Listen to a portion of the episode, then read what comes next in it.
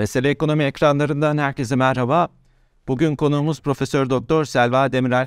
Selva Hocam merhabalar, hoş geldiniz. Nasılsınız? Hoş bulduk Sinan Bey. İyi yayınlar, sağ ol. Teşekkür ederim. Selva Hocam dün FED kararını açıkladı. Bugün Türkiye Cumhuriyet Merkez Bankası kararını açıkladı. İkisini de ben size sormak istiyorum. İsterseniz öncelikli olarak FED'le başlayalım. 3 hafta geriye döndüğümüzde Fed'in 50 bas puanlık bir faiz artışına gitmesi bekleniyordu. Powell'ın da açıklamalarından bu şekilde çıkarım yapılmıştı. Ama 3 haftalık periyotta Amerika'da da dünyada da farklı gelişmeler yaşandı ve 25 bas puanlık bir artış oldu. Sizin önceki yayınlarınızdan takip ettiğim kadarıyla tam da sizin beklediğiniz bir artış gerçekleşmiş oldu.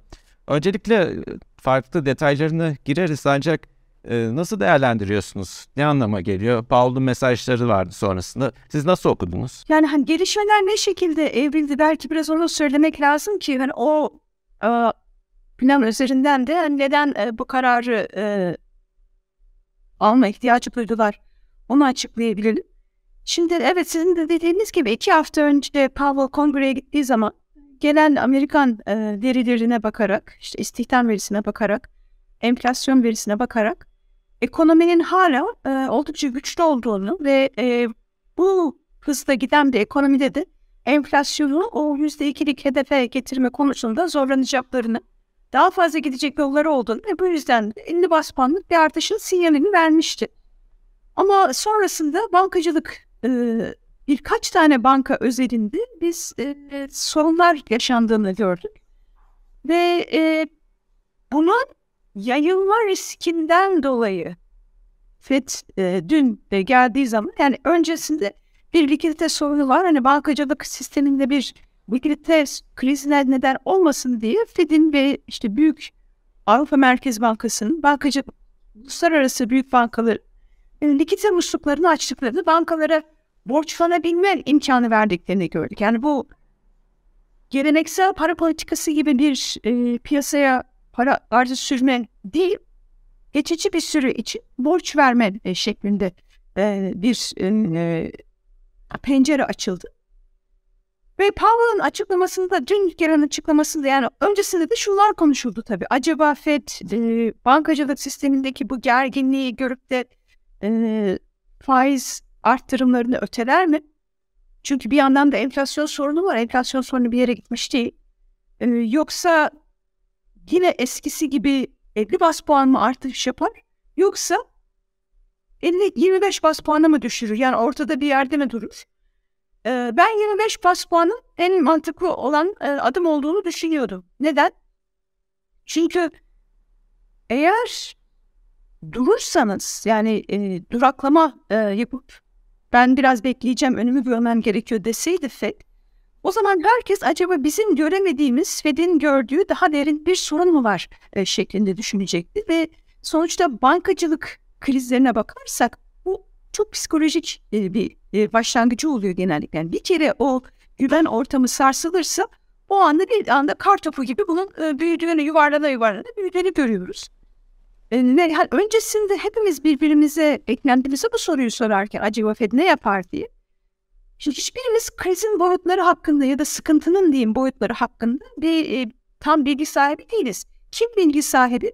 Veriye erişebilen merkez bankaları. Dolayısıyla hepimiz sonuçta Merkez Bankası'nın Fed'in ne yapacağına bakıp oradan krizin boyutları ile ilgili ipuçları almaya çalışacaktık. Fed de bunu biliyor ve onlar da o zaman yani baştan eğer siz bu sadece münferit birkaç bankanın kredi riskini ve faiz riskini iyi yönetememesinden kaynaklanan sorunlardır. Bankacılık sistemi üzerinde genel bir e, sorun yoktur. Bunu dediniz ama davranışlarınızla da bunu göstermeniz gerekiyor ki insanlar size inansınlar. Onun için de zaten bence belirsizliğine rağmen 25 bas puanlık bir faiz artışına gittiler.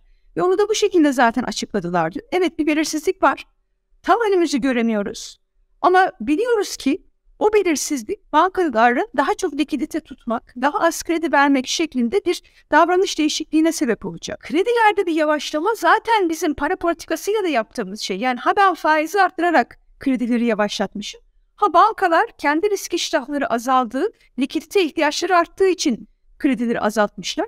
İkisi de nihai olarak ekonomi üzerinde yavaşlatıcı bir etki yapacağı için şu anda 50 değil 25 bas puanlık bir faiz artışıyla gittik e, şeklinde bir açıklama getirdiler. Peki e, bankaları birazdan size ayrıca soracağım. E, ancak Fed'in kararına, Powell'ın açıklamalarına tekrar dönecek olursak enflasyon vurgusu güçlü bir şekilde devam ediyor ve ileriye dönük olarak beklentilere baktığımızda faiz artışlarının yavaş yavaş sonuna geldiğini ama bir artış daha yapabileceğini, bundan sonrası için sizin öngörünüz nedir?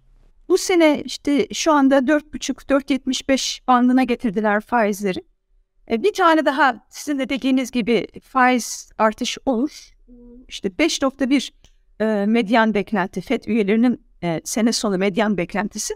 Ama gelecek iki sene onun 5.1'den 4.3'e düşmesi bekleniyor. Powell'a sordukları zaman hani faiz indirimleri ne zaman gelir diye bu sene beklemeyin bizden diyorlar. Şimdi neden onu diyorlar? Çünkü bu projeksiyonlarda yani FED üyelerinin projeksiyonlarına baktığımız zaman 2023 yılının 3.3 e, manşet enflasyonla tamamlamayı, 2024 yılını 2.5, 2025'te 2.1 ile tamamlamayı e, tahmin ediyorlar. Şimdi bu tahminler altında yatan politika patikası olması gerekiyor. Yani ancak biz bu sene bir faiz artışı daha yapar ve faiz indirimlerine de gelecek seneye kadar başlamazsak enflasyonu 2025'te ancak hedefte görebiliriz şeklinde bir e, tahmin oluşturmuşlar. Onun için eğer 2023'te yani daha erken bir şekilde faiz indirimleri giderlerse bu koydukları enflasyon hedefi patikasını da daha geç ulaşacakları için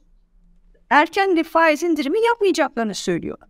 Buradan bir de şunun belki altına çizmek lazım. Hani para politikası gecikmelerle çalışıyor. Bugün attığınız adımın etkilerini işte 6, 12 belki 18 ay içerisinde tam olarak görebiliyorsunuz. Onun için de baktığımız zaman Fed bu sene belki bir tane daha faiz artışı yapacak. Sonrasında faiz indirimleri başlayacak. Ama esas meyveleri toplama önümüzdeki iki senede olacak gecikmeli etkilerden dolayı. Yani bu zamana kadar yapmış oldukları birikimli faiz artışlarının etkilerini aslında faiz indirimine başladıkları dönemde toplamayı e, bekliyorlar. Esas çünkü gelecek sene 5.1'den 4.3'e politika faizini düşürmeyi düşündükleri halde enflasyonun 3.3'ten 2.5'e düşmesini bekliyorlar. 2024'e girerken daha yavaşlayan bir ekonomi sürprizi olmayacaktır bu durumda. Evet, evet. Ee, yani gerçi hani 2023'ten 2024'e bakarken 0.4'ten 1.2'ye çıkacak onların büyüme rakamları. Şunu yapmışlar yani geçen seferki tahminlerine göre 1.6'dan 1.2'ye güncellemişler e, 2024 büyüme tahminlerini. Yani büyümenin daha e, yavaş olacağını düşünüyorlar. Fakat e, hep söyledikleri istihdam piyasası Amerika'da çok güçlü ve işsizliği çok fazla etkilemeden e, bu o, patikayı şu anda oluşturmuşlar. Kendi tahminlerinde en azından e, bu sene e, 4.5 gelecek sene ise 4.6'lık bir işsizlik oranıyla yani büyümeyi aşağı yönlü revize etselerdi işsizliği yukarı yönlü revize etmemişler. Çünkü istihdam piyasasının oldukça, oldukça güçlü olduğunu ve e, bu faiz arttırımlarının da hani tırnak içinde fazla bir acı reçete maliyeti olmadan enflasyonu şu anda hedefe düşürebileceğini düşünüyorlar. Yani yumuşak iniş için e, şu anda çabalamakta olduklarını görüyoruz. Ama ikisinden birini tercih etmek durumunda kalırlarsa yani sert iniş mi gerekirse kısa vadede işsizliğin daha fazla artması mı yoksa enflasyona izin vermek mi? O konuda da yine Powell'ın dün açıklamaları vardı. Söylediği şu, evet enflasyonla mücadelenin bir gerçek maliyeti var. İnsanlara yansıyacak bir maliyeti var. Ama eğer enflasyonla mücadele etmezsek bunun insan hayatında istihdam üzerindeki maliyetleri daha fazla. Çünkü sürdürülebilir bir büyüme için ve çok fazla inişli çıkışlı olmayan bir büyü, sürdürülebilir e, büyüme için fiyat istikrarı gerekiyor. Yine Amerikan tarihinden örnek verdi. Yani ne zaman ki dedi biz çok uzun seneler yüksek e, büyüme rakamlarını elde edebilmişiz. Bunlar fiyat istikrarının olduğu dönemler. Çünkü o zaman Fed'in müdahale etmesi gerekmiyor ve ekonomi her şey tıkırında bir şekilde e, daha e, istihdam imkanlarının yüksek olduğu, potansiyel üretim kapasitesinin arttığı bir sürece giriyor. Neden? Çünkü yatırımların gerçekleşebilmesi için sadece düşük faiz gerekmiyor. Yatırımların gerçekleşebilmesi için fiyat istikrarı gerekiyor. Finansal istikrar gerekiyor. Ve bunu sağlayabilmek için de dedi bizim fiyat istikrarını sağlayabilmemiz, uygun büyüme için uygun elverişli bir zemin oluşturmamız gerekiyor. Bu politikaları ve politikaların etkilerini önümüzdeki aylarda, yıllarda takip etmeye devam edeceğiz. Ben size Amerika'da işte ve Avrupa'da da yaşandı ama Amerika özelinde sormak istiyorum. Son iki haftada iflas eden bankalar üzerinden işte Fed'in pozisyonunu değiştirdiğini ve tartışmalar e, gerçekleştiğini gördük. Bundan sonraki süreçte ne beklersiniz? Bankalardan gelen bu haberler sonrasında Fed'in ve diğer düzenleyici kuruluşların adım attığını ve e, sıcağı sıcağına önlemlerini aldıklarını gördük daha fazla yayılmaması adına. Sizin beklentiniz nedir? Bu konu kapanıyor mu yoksa başka yerlerden de görebilir miyiz böyle haberler? Yaşanan sorun neydi? Yaşanan sorun şu. Merkez bankaları, büyük merkez bankalarının e, faiz artış e, sürecine girdikleri e, ve faizlerin arttığı bir dönemde de bankaların bilançolarındaki e, vade uyumsuzluğu sebebiyle e, kar marjlarında bir daralma yaşadığını biz zaten e, yani teorik olarak da bunu biliyoruz. Neden? Çünkü bankalar kısa vadeli olarak e, mevduat topluyorlar, fonlama yapıyorlar. Uzun vadeli olarak da e, kredi veriyorlar ya da işte uzun vadeli e, tahbillere e, koyuyorlar topladıkları fonları. E, o zaman ne oluyor? Faizlerin artmaya başladığı bir dönemde siz önce mevduat faizlerini yükseltmeye başlıyorsunuz. Yani fonlama maliyetleriniz artıyor. Ama sonrasında hani e, varlıklarınıza baktığınız zaman varlıklarınız uzun vadeli. E, kredilerden hemen yüksek faiz toplayamıyorsunuz. Ya da elinizde uzun vadeli tahviller varsa bunların faizleri ister istemez e, tabii piyasaların altında kalıyor. Ve o noktada da faiz marjında bir daralma görüyoruz bankaların.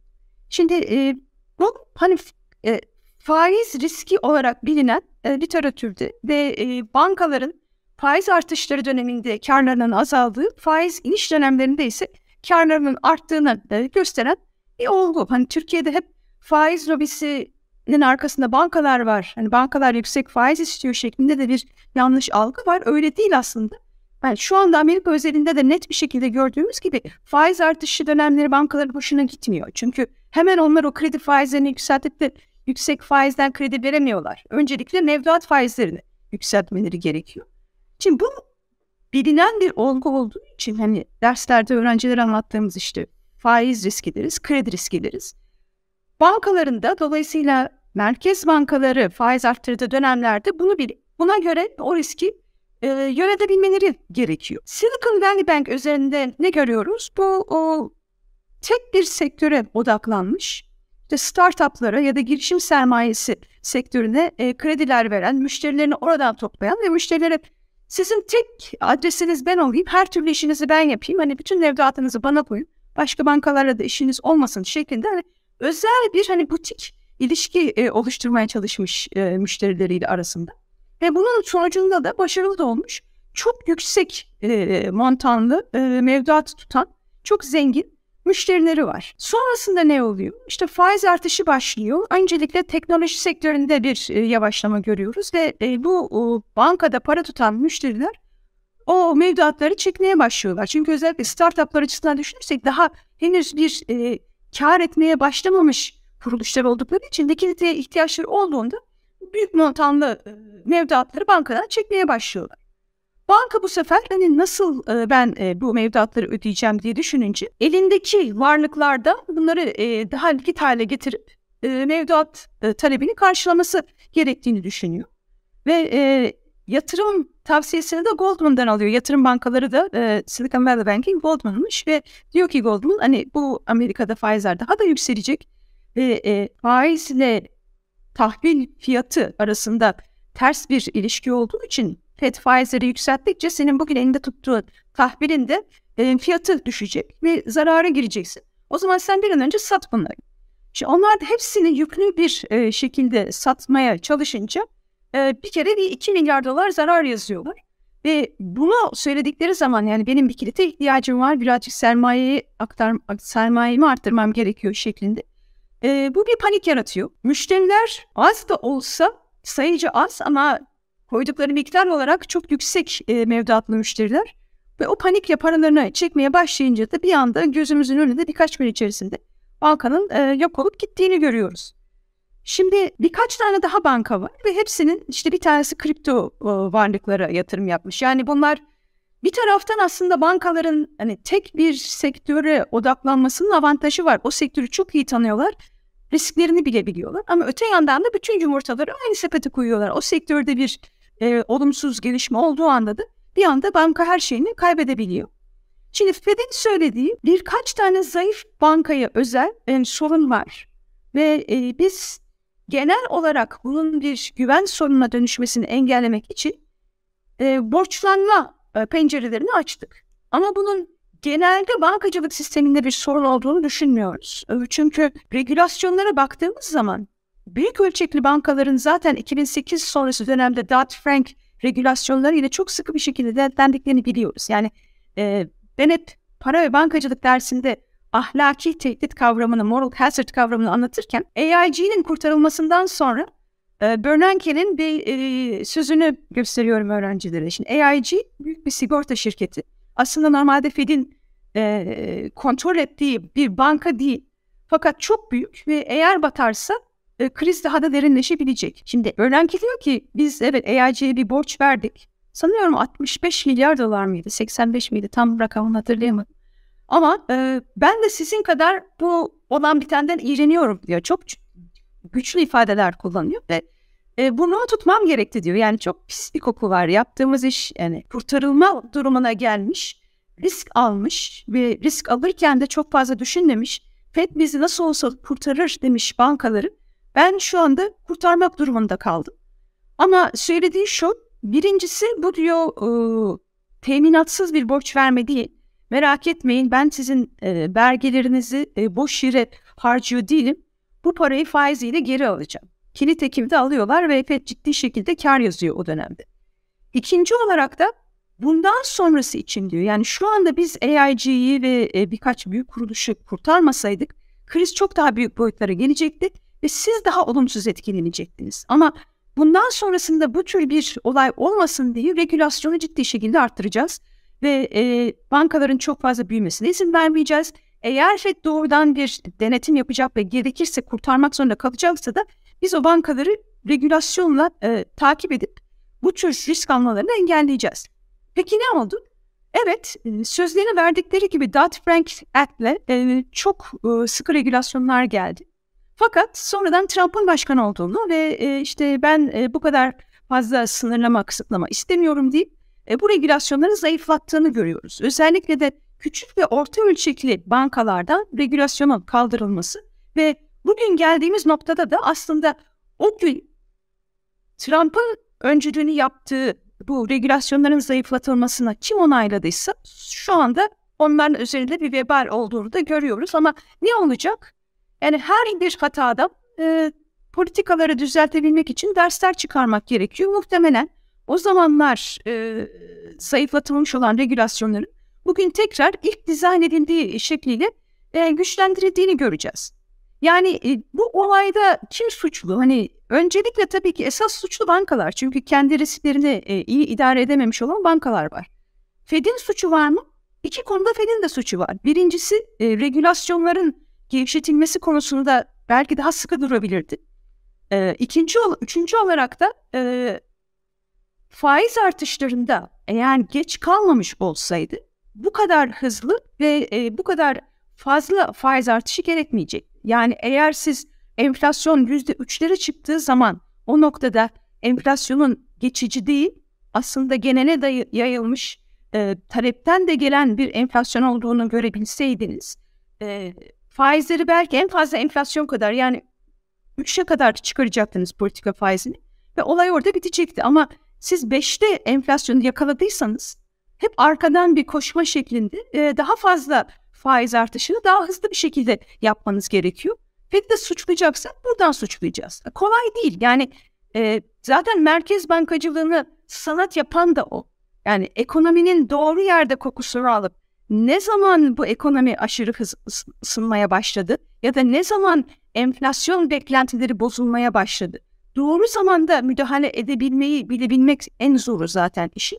Ve hata yapılıyorsa da orada yapılıyor. Yani e, gidecekleri yön konusunda bugün e, Fed'i eleştirenler yok. Yani şu anda baktığımız zaman Fed evet eleştiriliyor.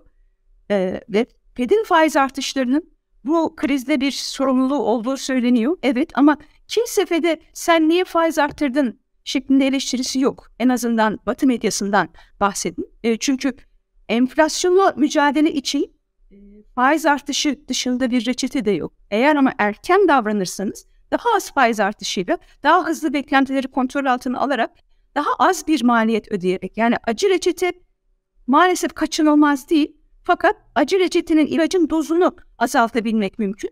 Bugün FED geç kalmış olmakla ve bu şekilde de daha ağır bir reçeteyi e, Amerikan halkından maruz bırakmakla e, suçlanıyor.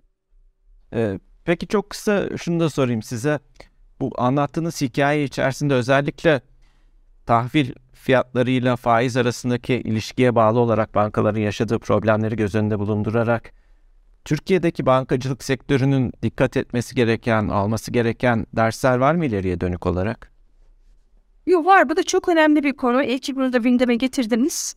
Şimdi hani diyoruz ya FED'in e, bu şu anda bankaların yaşadığı stresle ilgili sorun olduğu neydi? E, faiz artışını belki e, geç kaldığı için fazla yapmak durumunda kalmasıydı. Şimdi FED neyle eleştiriliyor? Enflasyon 3'teyken değil de 5'teyken e, devreye girmekle e, eleştiriliyor. Çünkü e, reçeteyi arttırdığı için. Bizde e, çok çok geç kalmış bir merkez bankası var. Yani manşet enflasyona bakarsak şu anda 55. E, sene sonunun yaklaşık %50'lerde olması bekleniyor. Şimdi böyle bir merkez bankası ve er ya da geç o enflasyonla mücadele edilecektir. Çünkü ötelediğiniz sürece enflasyon daha da yapışkan hale geliyor. Daha fazla artıyor ve mücadelenin maliyeti artıyor maalesef. E, gerek seçimlerden sonra mevcut hükümet kazansın. Gerekse muhalefet e, kazansın. Mevcut hükümet sürdürülemez olduğu için er ya da geç bence geleneksel politikalara dönecek. E, muhalefet ise e, daha hızlı ve bilinçli bir şekilde geleneksel politikalara dönecektir. Ama o noktada bugün Amerika'da gördüğümüz problemleri çok daha ağır olarak yaşayacağımızı düşünüyorum. Birincisi bizim ödememiz gereken acı reçetenin daha ağır olmasından kaynak. İkincisi ise bizde hani bankalara hani FED diyorlar ki hani sen bunun iletişimini iyi yapmadın mı? Bankalara söylemedin mi faizleri arttıracağını? Onlar da kendi risklerini ona göre regüle etsinler. Ee, şimdi bizde faiz artacağını söylenmiyor. Bu bir e, mevcut hükümet zaten hep faizin ineceğini söylüyor ki bence artık yavaş yavaş mevcut politikaların sürdürülebilir olmadığını e, sinyalini de vermek lazım. Ama e, onu bir kenara koyalım. İkinci olarak hani banka ne şekilde bu riski e, idare edecek? E, elinizdeki bonolar faiz arttığı zaman fiyatı düşeceği için siz bu riski eğer idare etmek istiyorsanız belki bonoları yavaş yavaş elinizden çıkarmayı düşüneceksiniz. Bizde ise bilakis bankaların şu anda daha fazla bono tutmaları için e, zorunlu e, müdahaleler yani zorunlu karşılıkları e, e, vasıtasıyla bankaların daha fazla e, bono talebi oluşturması zorunlu bir talep oluşturuluyor. Ve o zorunlu talep sonucunda da e, fiyatlar iyice düşürülüyor. Yani normalde piyasada oluşacak fiyatın çok altında e, bir e, pardon faiz e, çok altında bir e, faiz söz konusu. Dolayısıyla bankalar yüksek fiyattan e, bu tahvilleri almak durumunda kalıyorlar. Ama siz yüksek fiyattan aldınız İleride faizler düşünce e, bu fiyatlar çok ciddi bir şekilde düşecek. Dolayısıyla orada bir e, sermaye kaybı yaşaması söz konusu olacak bankaların. Ha şu var yani bizde bankaların tuttukları bilançolarındaki tahvilleri oran olarak bakarsak hani şu anda Amerika'daki bu batmış olan bankalar kadar yüklü bir şekilde tahvilde tutmuyorlar e, varlıklarını. Ama yine de e, bunun bankacılık sistemi üzerinde bir sorun oluşturduğunu biliyoruz. E, muhalefet partilerinden gelen sinyaller e, bu tahminlerin değiş tokuş yaptırılacağı ve daha piyasa e, fiyatlamalarıyla uygun tahminleri bankalara verileceği şeklinde olabilir ama bu da bedava değil. Bunun da bütçe üzerinde elbette ki bir maliyeti olacak. Onu da göz önünde bulundurmak lazım. Serva Hocam çok teşekkür ederim. Değerli vaktinizi ayırdınız. Ben teşekkür ederim. Hoşçakalın.